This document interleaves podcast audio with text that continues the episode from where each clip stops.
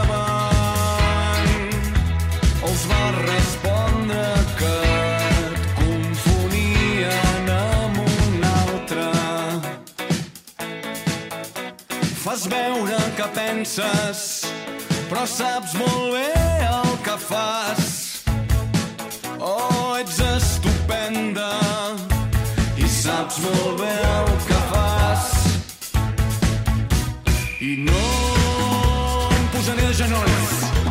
I ja m'he posat de genolls. I no em posaré de genolls. I ja m'he posat de genolls. Però és que ho havia destrossat. La maquinària. Un criminal l'havia fet passar per si era útil. Vas dir als senyors agents que m'havies vist bon al lloc dels fets. I jo, jo vaig respondre que no, que s'equivocaven, però els seus gossos entrenats em van trobar a la cantonada. Fas veure que penses, però saps molt bé el que fas. Oh, ets estupenda i saps molt bé el que fas. I no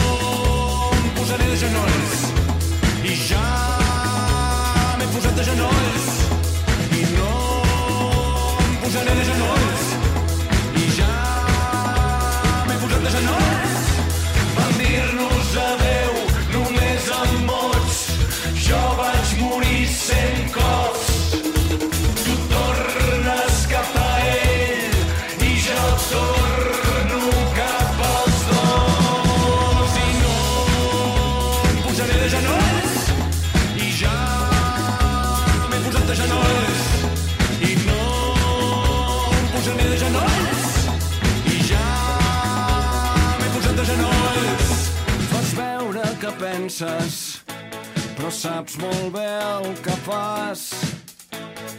Oh, ets estupenda i saps molt bé el que fas.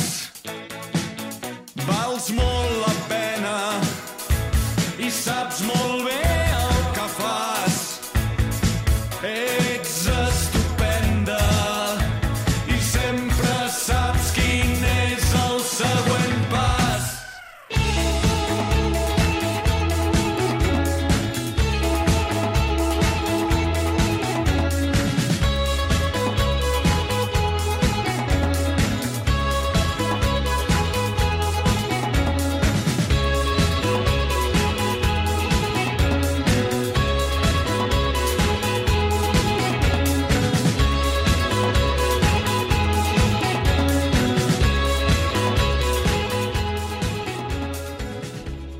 El nostre entrevistat d'avui es diu Marc Mateu, és més conegut com a Red Peril, ho pronuncies així? Red Perill, sí, Red sí. Peril, vale. I arriba des d'Igualada. Com et definiries musicalment parlant? Quin estil de música fas? Uh, em definiria, crec que com a eclèctic, Caram. que és una paraula que, que fa servir molt la, la Viviana Bellver. Li perdonarem, li perdonarem això, perquè sembla que... O sigui, ara es fa servir molt, però jo crec que molt, sobretot dels 90, no?, de, de voler agafar un munt d'influències des dels 70 fins als nostres temps i barrejar coses que en principi no, no encaixen, no? Mhm. Jo sóc molt fill d'això, de, de voler fer tantes coses que, que m'he hagut com d'acotar, diguéssim, sobretot amb aquest últim disc, de dir agafem un camí concret perquè si no cada dia canviaria d'estil. Mhm. Llavors, eh, actualment faig... tiro cap al sul, diguéssim, però havia començat fent música electrònica, eh, hi ha molt de funky, molt de jazz sobretot, vinc molt del jazz, en quant a gustos almenys. I és això, m'agafa moltes coses, inclús m'agradaria saber tocar més instruments i, i no sé, ca cada dia vull fer coses noves. Mhm. Fas concerts tu sols i també fas acompanyat de Sí, la banda. del col·lectiu Biònic. Mhm. Uh, clar, Red Perry és un projecte en solitari, Mhm. De fet, era un àlies com de, de que jo feia música electrònica. Llavors em vaig buscar un, això, un nom artístic i finalment o sigui, vaig voler fer cançons amb grup i això vaig aconseguir trobar una gent adequada i els hi vaig posar un nom per diferenciar, perquè segurament segueixi fent coses jo sol o puc fer concerts sol, llavors, no sé, m'agrada separar-ho una mica. Exacte. Com sorgeix aquest nom, el nom artístic i el nom que els hi has posat a ells també? Sí, Perquè són molt originals. Uh, Red Perill és, ve d'un joc de paraules de quan era adolescent, de que hi havia un, un paio que sempre feia bromes que no sé explicar sobre la perilla i venia i et deia pas de perill i feia un gesto com d'enviar-te volant una perilla. Vull dir, és tan absurd com això. O sigui, no sé, eren perilles imaginàries i a mi em feia molta gràcia. I llavors, jo també, uh, l'estètica dels 90 es portaven molt les perilles, les, les patilles, bueno, coses així. I a mi sempre havia volgut tenir perilla i em, em tardava molt en sortir. Quan per fi em va sortir vaig dir, doncs em diré algú amb perill. Era el moment. I em va sortir pèl roja. Mm, que bo. Sí, a casa meva tenim l'arbre de pèl roja, tot i no ser pèl roja. Mhm. Llavors vaig posar red perill. O sigui, red perill és perilla vermella, no és perill. Per això porta la- l'accent aquest obert. Sí, sí. I després el col·lectiu Biònic, no sé, em vaig estar pensant molt el nom del grup i, no sé, volia pensar que tingués un punt com, no, no de superherois, però com, com entre irònic, però alhora poderós. I quan era petit feia una sèrie que es deia La dona biònica, Uh -huh. que era una dona que, que va tenir un accident i, i a partir de llavors es va contaminar amb alguna i va, va agafar com poders, uns poders raros. I a més a més, quan, quan se li activaven o alguna cosa així, feia un soroll molt curiós. I vaig pensar, col·lectiu biònic, perquè o sigui, biònic és com mig, humà, mig màquina, no? Mhm. I llavors, no sé, se'm va acudir això, vull dir, em va venir i vaig dir... Ja està, ja Sí. tenim. Bueno, ho vaig, Clar, vas O sigui, estar donant-hi voltes, no? vaig, vaig donar moltes voltes i vaig tornar a la idea inicial, finalment. Mhm. Molt bé. Quins referents tens pel que fa a la música o quins grups escoltes tu també? Vale. Um, referents...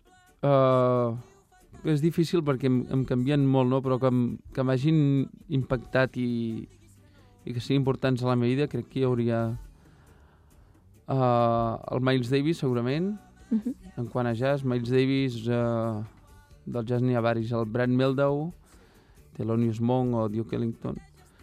Després uh, hi ha el funky, hi ha l'Stevie Wonder, Uh, del sud després hi ha bueno, Ray Charles i Aretha Franklin, aquests són bastant importants. Després hi ha el Radiohead i els Pink Floyd en quant a pop o rock. Mhm. I si agafes aquests i afegeixes tots els de més, crec que podem fer Quina una mica... mescla. Sí. sí, sí, déu nhi Quan i com decideixes entrar al món de la música? Ja t'agradava, ja havia sigut una passió de sempre o com sorgeix? Mm, sempre m'ha agradat, ja des que era molt petit, però començar a ser músic en sèrio a partir dels 20-21 anys. Mhm. que vaig decidir tocar el piano. Vaig escoltar el Brian Meldau, de fet, que no sé si el coneixeu, però és un pianista de jazz que va començar cap als 90 i, hòstia, em vaig flipar. Vull dir, vaig sentir tocar-lo i vaig dir, hòstia, jo vull, jo vull provar a fer això, no, no hi he arribat. Vaja, si comences de gran encara, és, encara. és difícil, però... Mm. Però això, uh, vaig començar a tocar el piano... bueno, primer vaig començar a fer música electrònica, perdó, Vale. als 20 o així Mhm. perquè no sabia tocar res. Llavors, als 21 vaig començar a tocar el piano. i a partir d'aquí vaig anar tocant, vaig anar tocant, i després em vaig decidir cantar, que ja cantava a casa, diguéssim, però no m'atrevia.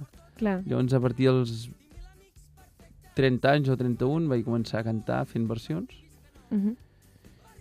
I això fa un, dos anys ja vaig començar a cantar les meves coses. Fa poc, realment. Fa molt poc, fa molt poc, sí. Mm. Què és per tu la música?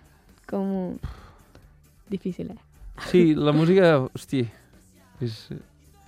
O sigui, no sé, diria tants tòpics que no, no em moria gens, però realment la música, almenys en el meu cas, m'ajuda com molt a, a relacionar-me amb el món, amb les meves emocions, de manera que, que les altres coses no ho fan, no? A vegades sí que et fa el paper com de- de- d'amic o de... A vegades quan et sents sol o quan, quan estàs quan estàs emboirat del cap, diguéssim, uh, jo almenys en el meu cas em serveix molt posar música d'acord amb, amb el que estic sentint, no? Que hi ha molta gent que est està trista i es posa música alegre. Sí. No, no ho suporto jo. O sigui, si estic trist i em posa música alegre, em, em puc posar estar mal. llet. O Mm sigui, tolero molt malament la, la música que no és la, la que vull en aquell moment. Vale. I llavors em poso música trista i em sento com acompanyat i m'ajuda com a, a passar les emocions perquè tendim molt, avui en dia es parla molt no, de que se'ns educa poc emocionalment Mm. i crec que quan estem tristos tendim a esquivar-ho perquè no sabem Sí. gestionar-ho. Exacte. I la veritat és que molts cops el que s'ha de fer és, és passar el dol o passar la tristor, a no ser que sigui molt sovint, perquè llavors tens un problema, però sí, s'ha de t'estires al sofà i la passes tranquil·lament i, i la deixes sentir i l'escoltes a veure què t'està dient, no? Mhm. Està, he fet una reflexió. No, no, està molt ben fet, eh? Ja has gravat dos discs, al Planeta Crunch, el 2014, i en Amics de l'Anna Fent, aquest 2016. Sí. Explica'ns una mica en què es diferencien un i l'altre, com has canviat el teu estil i, bueno, el perquè dels títols... Vale. Uh, són molt diferents, realment. El Planeta Crunch és com el resultat de- d'això des de l'any 2000 fins al 2014, que són molts anys, però coses que havia anat fent jo sol a casa. Uh, havia buscat col·laboracions en plan, ei, toca'm una guitarra aquí, toca'm un saxo aquí, però és una feina com molt individual, molt...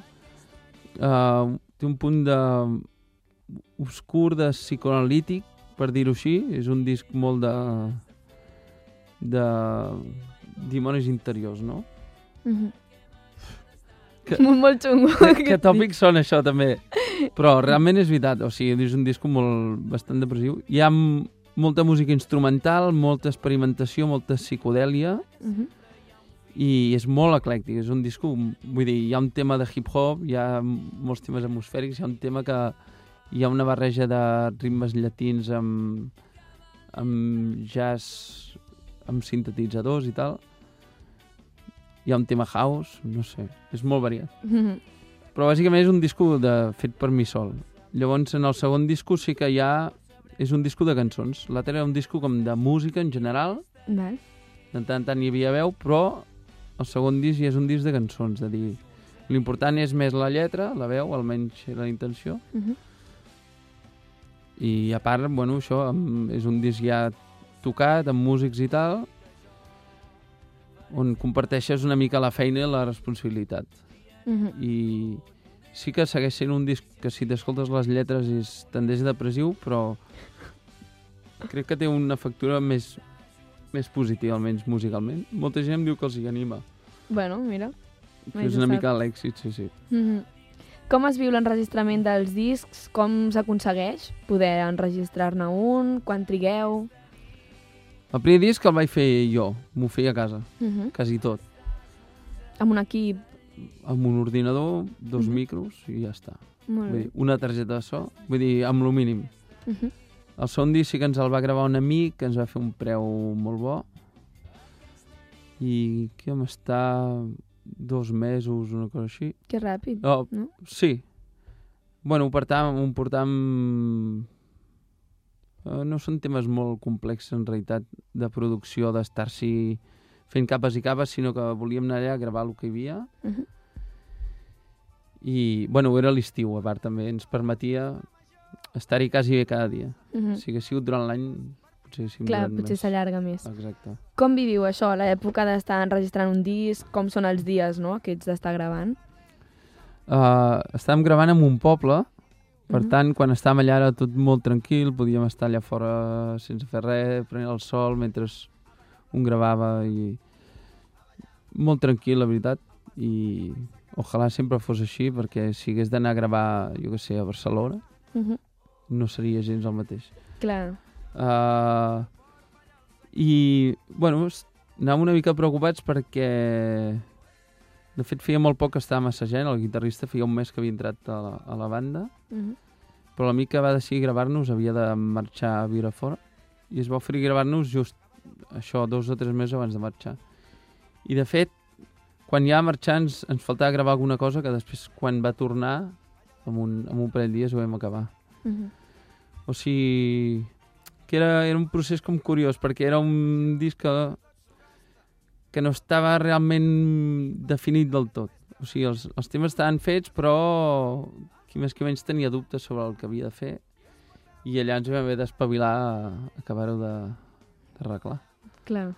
I, es I pot- sort del, del, del Lildo, que és el que ens va gravar, que ens va com encaminar una mica també. Uh -huh. Quina rebuda està tenint? Com ho esteu vivint? Uh, inferior que m'esperava realment. O sigui, ja sé que a Catalunya es faran mil teories, tot el rato estic donant copets a la taula i es deu sentir pel micro. Mira, Catalunya, uh, musicalment, o sigui, és molt difícil. Jo crec que hi ha molt poca afició a la música, molta menys... No la música en si, o sigui, la gent escolta molta música,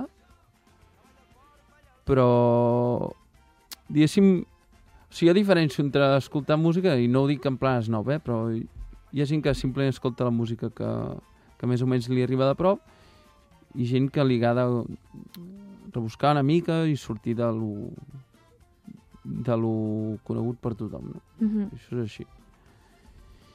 I a part dels grups que s'escolten molt, els de més grups costen molt, no sé, diguéssim que hi ha com poc públic.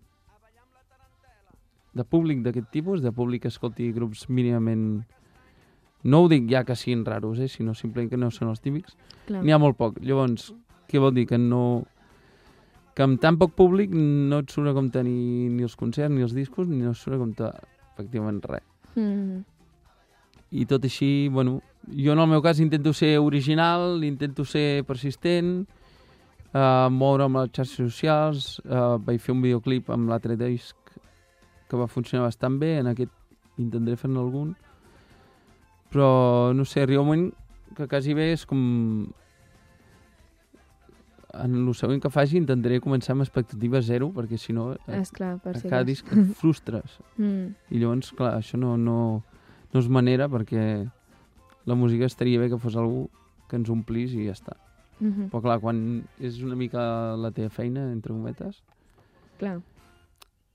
Poc o molt vols que rendeixi, que hi hagi una recompensa, sobretot sentir-te valorat, que és una cosa que no sé si...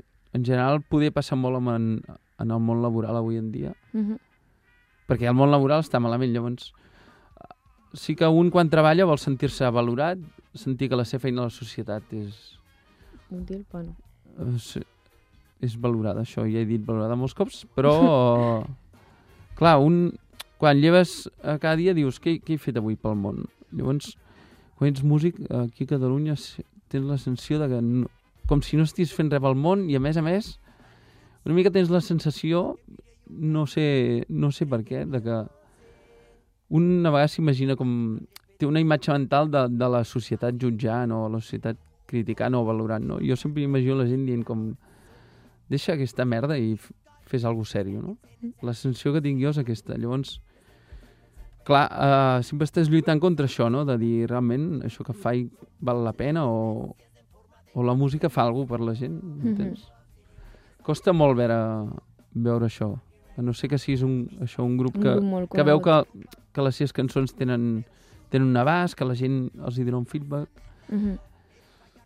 Si no està molt clar, costa veure. Sí que de tant en tant algú et diu hosti, aquesta cançó m'ajuda, aquesta cançó tal, però en el meu cas de moment ho veig poc I espero que vagi més en un futur, però no se sap. Bueno, a poc a poc, i, i tant de bo, tant de bo que hi hagi sort. Gràcies. Ara escoltarem, doncs, la teva cançó amb el col·lectiu Biònic, la de Lluna Nova. Ens sí. vols explicar alguna cosa d'aquesta cançó? Um, sí, aquesta cançó uh, crec, crec que parla, o sigui, que parla de l'insomni, entre Mhm. d'altres coses. O sigui, uh, les meves cançons van deixant anar imatges, no? Hi ha un fil conductor molt clar moltes vegades. I, i quan la vaig fer no sé exactament... O sigui, em va venir sola, les lletres em venen soles molts cops. Uh -huh. I vaig pensar, per què lluna nova? Tothom parla de la lluna plena sempre, no? Que inspira, que és com màgica. I vaig estar molt de temps pensant i un dia em vaig posar a buscar inclús per internet, dir, què passa? Què s'associa a la lluna La nova? no? Lluna Nova. I s'associa la, la calma, el recolliment i la, in, la introspecció, no? Uh -huh. Doncs hi ha alguna... Ja era hora que algú li fes una, una cançó Una cançó, no? jo Això també. està bé. I també parla d'una època que, que tenia molt d'insomni i certs problemes eh, psicològics que m'han acompanyat al llarg de la meva vida i, i crec que allò no parla d'això, no? De, del que vull és estar tranquil, poder dormir, poder estar en pau i és això una mica la crida aquesta, això i de, de es recullen, bueno, filosofades sobre l'amor romàntic, sobre, sobre aquestes coses que estan avui en dia, les relacions, eh, que estan canviant els paradigmes de les relacions entre la gent, d'amistat, d'amor, de... Totes aquestes coses. Molt bé, molt contingut. molt de, de segle XXI, sí, sí, hi ha molt, molt contingut. Exacte. Doncs escoltem-la. Anem a escoltar. Lluna Nova.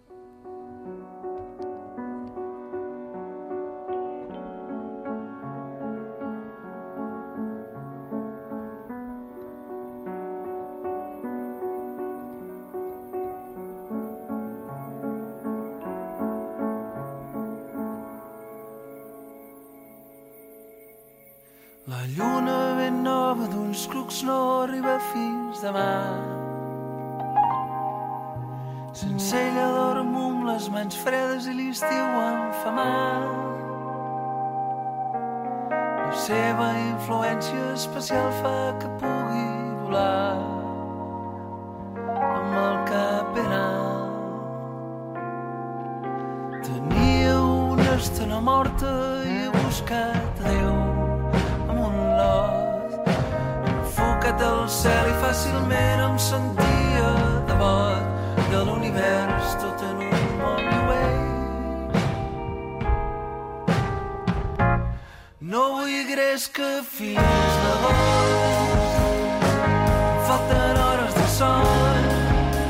Després em llevo suat de macrac carn de sec altament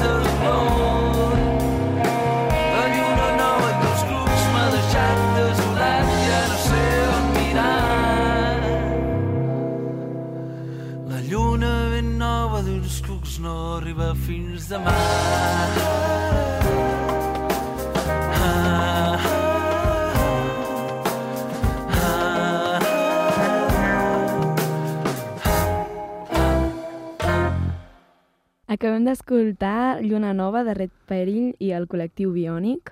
És un temazo, eh? Sí, A mi- sí. A mi perdó, eh? personalment.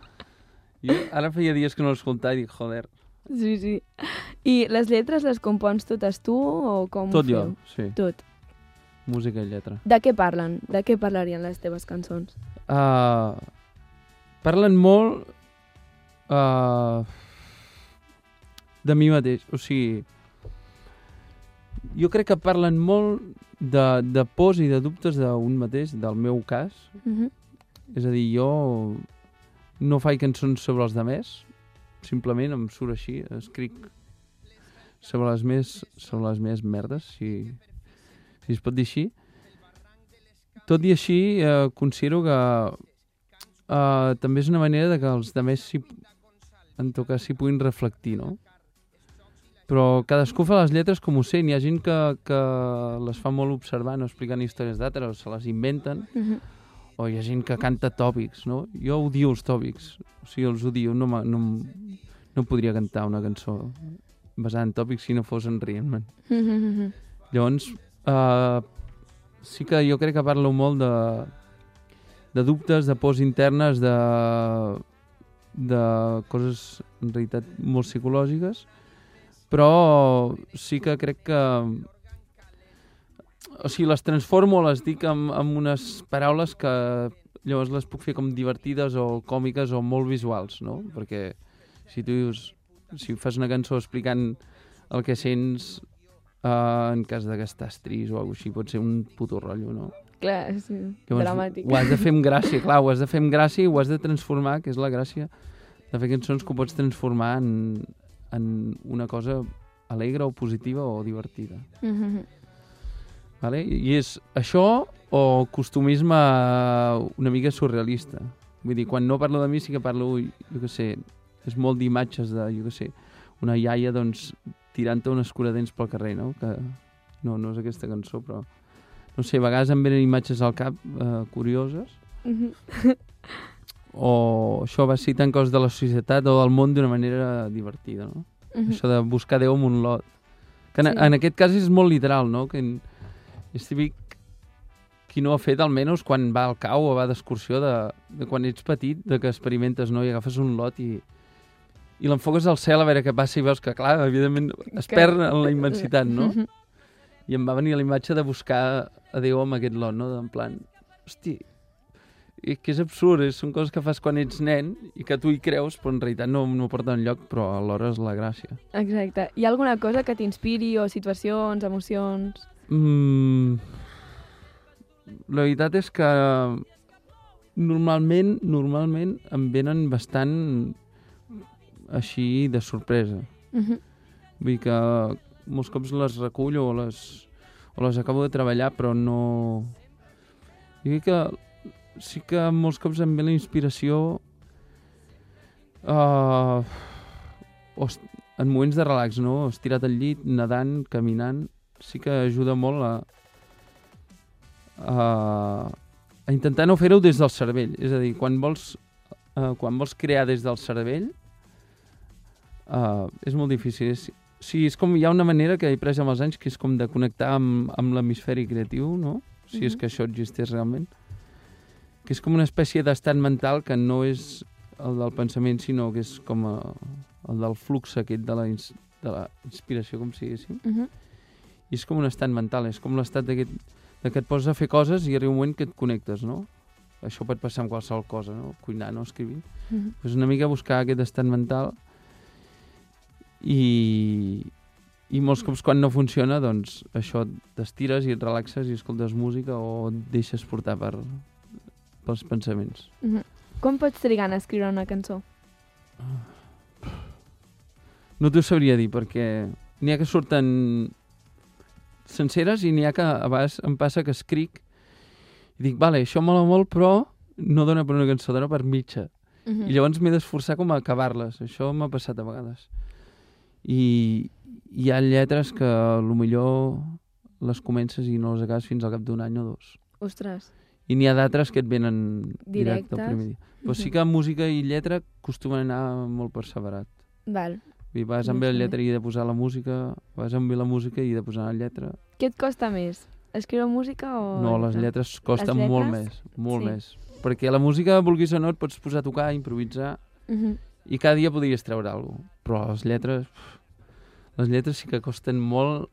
Vull dir... Hosti, si pogués fer una lletra cada dia estaria molt content. Però tinc moltes tingués. músiques, moltes músiques, però... Els hi falta... Clar, inclús escriure... Podria escriure cada dia alguna cosa, però Mhm. una lletra, amb la seva estructura, les seves... Si vols fer rodolins, Mhm.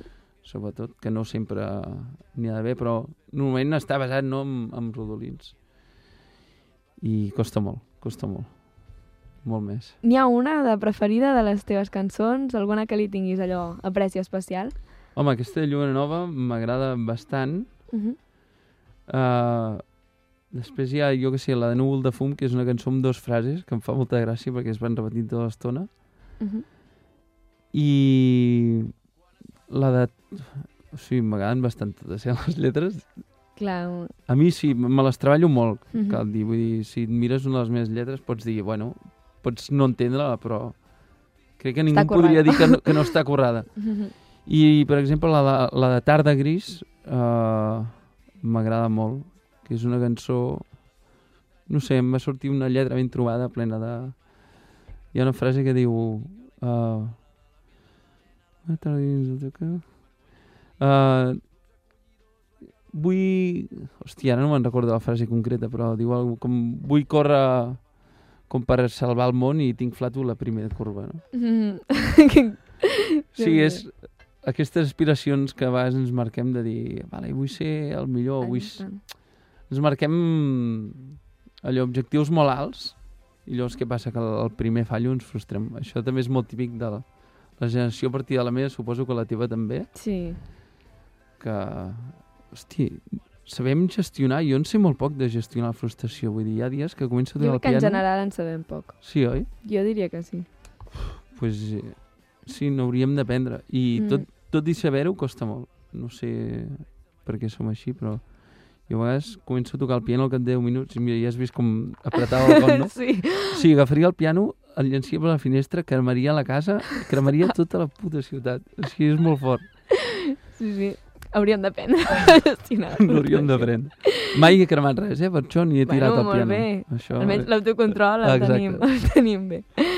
Ara ja a nivell de concerts, el teu directe, com el definiries? Si estàs tu o també amb el col·lectiu biònic? Vale.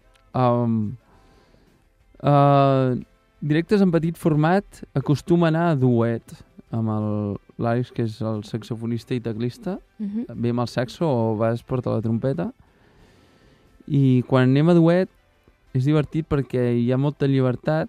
Molts cops eh, estem tocant un tema i això que passa a vegades als músics que t'entens i acabes fent una altra cançó, o acabes citant alguna cosa, els segadors, i llavors te'n vas a fer els segadors o acabes citant una melodia popular o el Summertime Uh -huh. i improvisem molt i a vegades Que va. inclús de manera de que la gent riu i tot Uh -huh. fas, pots fer humor musical. I a més això, el no tenir bateria ni baix ni res, doncs pots improvisar bastant. I inclús tenim bona química a l'hora de dir tonteries i a vegades inclús sembla que estiguis a un monòleg. Val. O que sigui, bo. quan Un vas a duet, Complet. sí, exacte, és un show complet.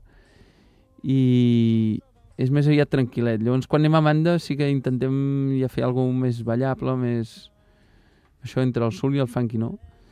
Però el que et deia abans fa l'antena, que no hi ha pràcticament sales, no? Hi ha, cada cop hi ha menys sales i menys públic que vagi a les sales. Uh -huh.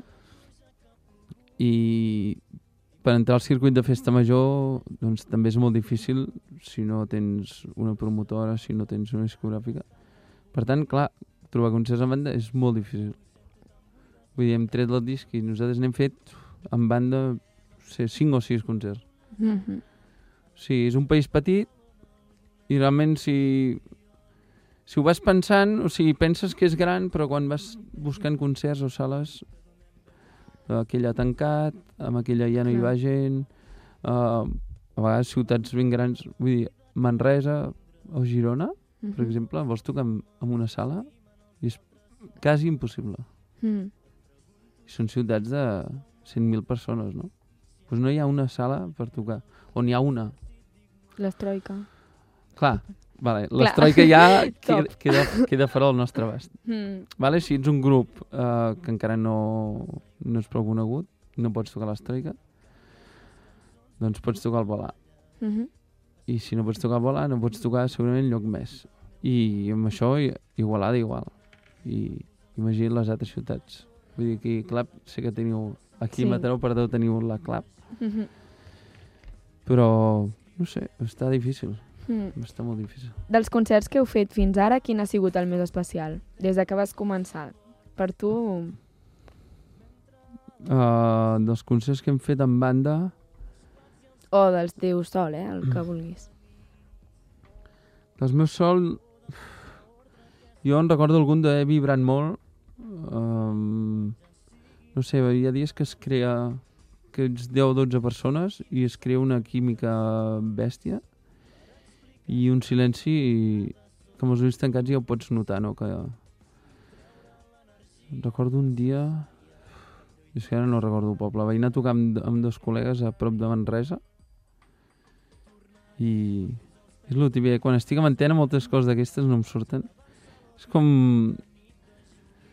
Molts cops que vols anar quan vas a comprar, inclús al súper o vas a comprar discos, Mhm. que a casa ho tens molt clar, no? I quan arribes allà no te'n recordes? no, Per exacte. això la gent es fa llistes. doncs jo m'hauria de fer Exacte. una llista d'una sèrie de coses que no puc oblidar. Mhm. Però espero, o sigui, en quant a concerts, eh, espero que el millor estigui per venir, sens dubte, Mhm. perquè sobretot amb la banda encara tinc la sensació de que encara estem buscant una mica el que hem d'aconseguir. Mhm. O sigui, dintre del meu cap m'imagino coses que de moment ni per pressupost ni per coneixença no poden ser.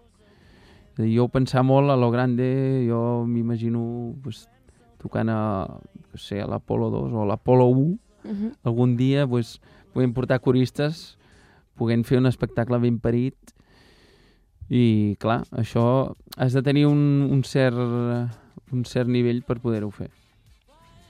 I musicalment, doncs, encara ens estem coneixent i ens estem rodant, per tant, el millor concert encara està per venir. Molt bé, bueno, això també és bo, home. Una mica d'optimisme.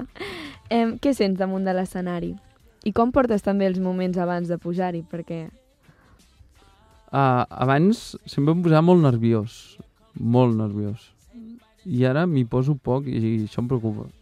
Mhm. Vull dir, està bé tenir, tenir nervis. Perquè si puges Si a dalt l'escenari... d'alguna cosa, realment. Sí, o sigui, al, a dalt d'un escenari hi ha una energia que no, no la pots tenir estant al carrer o estant normal prenent un cafè. I aquest plus és uns nervis que són especials com de l'escenari que hi han de ser i que els has de transformar en inspiració.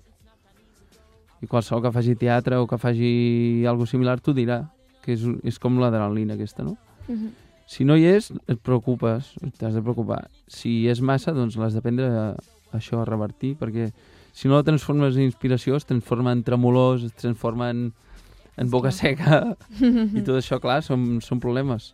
Clar. Però, no sé, és una sensació que, que el dia que crees una connexió, no sé, és una manera, suposo, la gent que estem dalt d'un escenari, d'alguna manera és la manera que hem trobat per connectar amb la gent millor, no? Hi ha gent que no ho necessita, ja connecta, doncs, amb la gent tal qual, o no troba a faltar. Mhm. Suposo que tots els que estem dalt de l'escenari és perquè en la vida diària hi ha algun moment en què no sabem acabar de d'adaptar-nos a relacionar-nos amb la gent de la manera correcta. Mhm. No vol dir que siguem gent que no sap parlar amb els altres, evidentment, Sí. però pot ser que siguem gent que tinguem dies de tot i que hi hagi èpoques que, que estiguem molt introspectius o que estiguem molt poc comunicatius i d'alguna manera ho hem de pal·liar. Mhm. I aquesta és la manera, la música. sí, també. almenys a mi sí. Quina cançó no et canses d'interpretar Ah. en directe? Crec que no n'hi ha cap que que no hi hagi algun dia que realment em costi de fer-la, sincerament. Totes, amor. Sí, Mm, vull dir... És bo. No, no, al revés. O sigui, totes hi ha algun dia que dic, "Uf, aquesta Quina avui... mandra." No... Sí, exacte. Mhm. Vull dir, no, no tinc cap, cap cançó fetitxe en aquest sentit, Bueno. en el directe. Almenys no és una que estigui crucificada, tampoc. Mira, hi ha el Fucking People, que és del primer disco, Sí? que és la que hi ha al videoclip, que, que molta gent encara ben fet aquest disc em diu no, i el Fucking People és la millor. I jo a vegades penso, "Uf, jo aquesta no, hi ha dies que no la tocaria. L'escoltarem després, eh? L'escoltarem. mira. Té rival. Uh, bueno, el tema és que també és una cançó feta amb música electrònica i tal, i portar-la al directe pues, és difícil. Clar. Fer-la sonar, Mhm. i mira, encara ho estem intentant. Bueno, patxa. Em, teniu o tens algun ritual o algun costum allò abans de sortir o quan assageu? Alguna cosa que diguis, ho acabem fent? Mm, obrir una cabra en canal... No, és. Mm. no, no. Cap ritual uh, abans dels concerts, eh? Mm. Mm, pff, sí que m'agrada... Això ho vaig aprendre amb la banda que tenia abans, un grup que es deia Albatros. Mhm. A mi m'agrada molt fer, abans de començar, un cercle de tots i res, fer un petit diàleg de 30 segons Mhm. i donar-se una mica de D'ànims, no? d'ànims i d'adrenalina i això ho trobo molt, molt important. Mhm. I a part, si es pot, que no sempre es pot, m'agrada estar una estona sol. Val. Abans i després. Molts cops acabo i dic... Quan acabo, igual és mitja hora, eh? Vull estar mitja hora que, Ostres. que no... Sense parlar amb ningú ni res. Mhm. Bueno, més Ref- curiós. Reflexionant. Mm, està bé. Teniu projectes a futur o tens... Què t'imagines així? Futur proper o a llarg termini? Musicalment, eh? Sí, musicalment. Bueno, si ens els vols explicar també. Vull agafar una granja... No, però sí que tinc... M'agradaria fer coses artístiques, però no musicals, potser. Mhm. Eh, M'agrada fer coses en vídeo. No, no en sé especialment, eh? però sí que...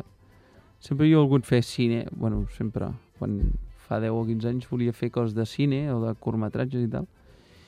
I crec que aquest any m'hi posaré a fer... Ho intentaré, vale? Mhm. no se sap què sortirà, però sí que m'agradaria fer coses inclús amb, sense pressió de dir vaig fer-ho només per passar-m'ho bé. Havia fet ràdio, m'agradaria tornar-ne a fer. Ah, sí? Que sincerament. feies un programa també? Sí, havia fet un podcast uh, que es deia Porta Prince in Hostel. Mhm. Era un podcast absurd uh, on jo vaig començar fent de Déu. Jo feia una secció on feia de Déu i contestava els, els dubtes dels oients. Dels mortals. Sí, exacte. Que. I al final fèiem una tertúlia per Skype d'una hora, una hora i mitja. Ostres. Era una cosa molt underground i molt divertida i molt absurda. Mhm. I, bueno, a poc a poc es va anar com morint. I a part vaig fer un altre programa de, on jo era col·laborador, parlàvem d'emocions i teràpies i coses així. Mhm. I a mi m'agradaria molt, si algun dia pogués, de fer un programa en plan d'aquests de ràdio de nit. La llàstima és que la, a les ràdios locals normalment a la nit no estan tancades. Vull Mhm. dir, que si vols fer un programa en directe... A mi m'agradaria fer un programa de nit en directe. Que bo, que original. Sí, sí, que la gent l'escolti a, a les 11 i parlis a poc a poc i com els de Ràdio Com d'anar a 3. dormir. Sí, sí, sí. I que filosofis sobre la vida, això m'agradaria molt. Molt bé. Bueno, mira, es pot fer una proposta, eh, també. Tens algun somni dins del món de la música? Allò, a lo grande, o... Mira, jo crec que si tingués ara un somni, crec que em faria més mal que bé. O sigui, més aviat el que he de fer és, és tocar una mica de peus a terra i, i simplement, o sigui, sí que fer un següent disco pensar en el que m'agrada a mi, em ser sincer i pensar que l'altre ja vindrà, Uh -huh. perquè els somnis a vegades ens maten, en aquest sentit. És a dir, perquè t'indiquen el camí però vols arribar allà i no hi arribes i s'ha de ser una mica realista entre cometes. Sempre amb un peu a cada cantó. Jo tendeixo a ser molt poc realista llavors, Jo també. pues, mira, en som dos. Sí. pues s'ha d'intentar una mica ser-ho perquè per això, per això que t'he explicat. I sí que tinc ganes segurament de... ja tinc temes com per fer un altre disco sol. Uh -huh. i no sé si acabaré traient abans un disco sol en banda, però amb sol uh, sí que em sento molt... M'agrada molt com que jo tinc molts dubtes, si faig un disco sol no els he de compartir amb ningú, llavors puc canviar-ho i refer-ho i, pots sí, fer i fer-ho a casa més sense que ningú em pressiona i la veritat és que ho trobava a faltar, últimament ho he estat fent aquestes vacances de posar-me a casa, composar, editar, produir. Mhm. i ja està, i no sé, no sé què serà el següent. A veure, i ara hi ha dues preguntetes per acabar. Sí, On et podrem veure properament, si tens algun concert planejat? uh, avui a la Llacuna, Mhm. uh, no, perdó, dissabte, demà, Mhm. uh, a la Llacuna, que és un poble de la Noia. Uh, toco a duo amb, amb l'Àlex a dos quarts de nou. I després, al setembre, tenim un concert a Can Serrat, que és una residència d'artistes del Bruc, amb un entorn bucòlic molt guai. Mhm. I just avui m'han enviat un, un mail que han de canviar la data. Ostres. Per tant, només tinc una data segura, que és aquest dissabte, Mhm. a la llacuna. Llavors, això del Bruc serà al setembre o a principis d'octubre. De moment no hi ha res més, no hi ha res més tancat. Val. I a quines xarxes socials et podem seguir? Com ens podem assabentar dels concerts o escoltar la música? Vale. Uh, sí, jo tinc la web, és uh, redperill.com uh, ha el Bandcamp, redperill.bandcamp.com ha el Twitter, jo sóc molt twittero, Mhm. i bueno, hi ha la, la pàgina de Facebook també tinc un Instagram, però l'Instagram a vegades publicito coses de música però és més les més mogudes, vull dir, faig fotos rares escric, escric microcontes i l'Instagram és bastant o sigui, si el meu és underground l'Instagram és molt underground o sigui realment jo arriba un punt que faig el que una mica el que em surt i, i si algú li agrada doncs Doncs bé, millor millor. o almenys aquesta és la intenció. Si acaba, evidentment, per exemple, quan vaig fer aquest disco vaig pensar, "Hosti, eh, m'agradaria que arribés a gent, eh? evidentment. Però sempre una mica aquesta dicotomia, de voler arribar a la gent i ser un friqui raro. Molt bé, doncs moltíssimes gràcies per A haver tu. vingut. I ara escoltarem per despedir-nos el, el videoclip, El no? Exacte, el preferidíssim. Me voy, me voy. Exacte, doncs Red Perill, Fucking People.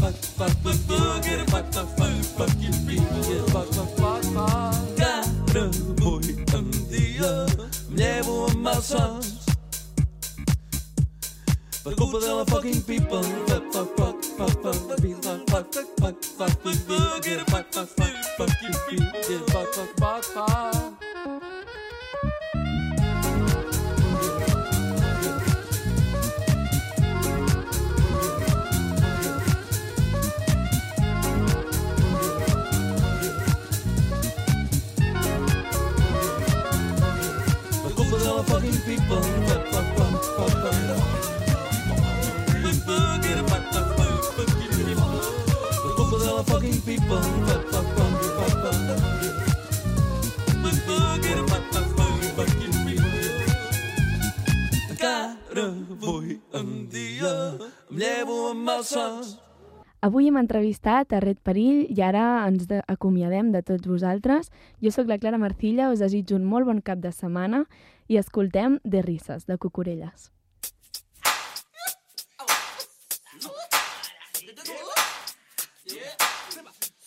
What did you do?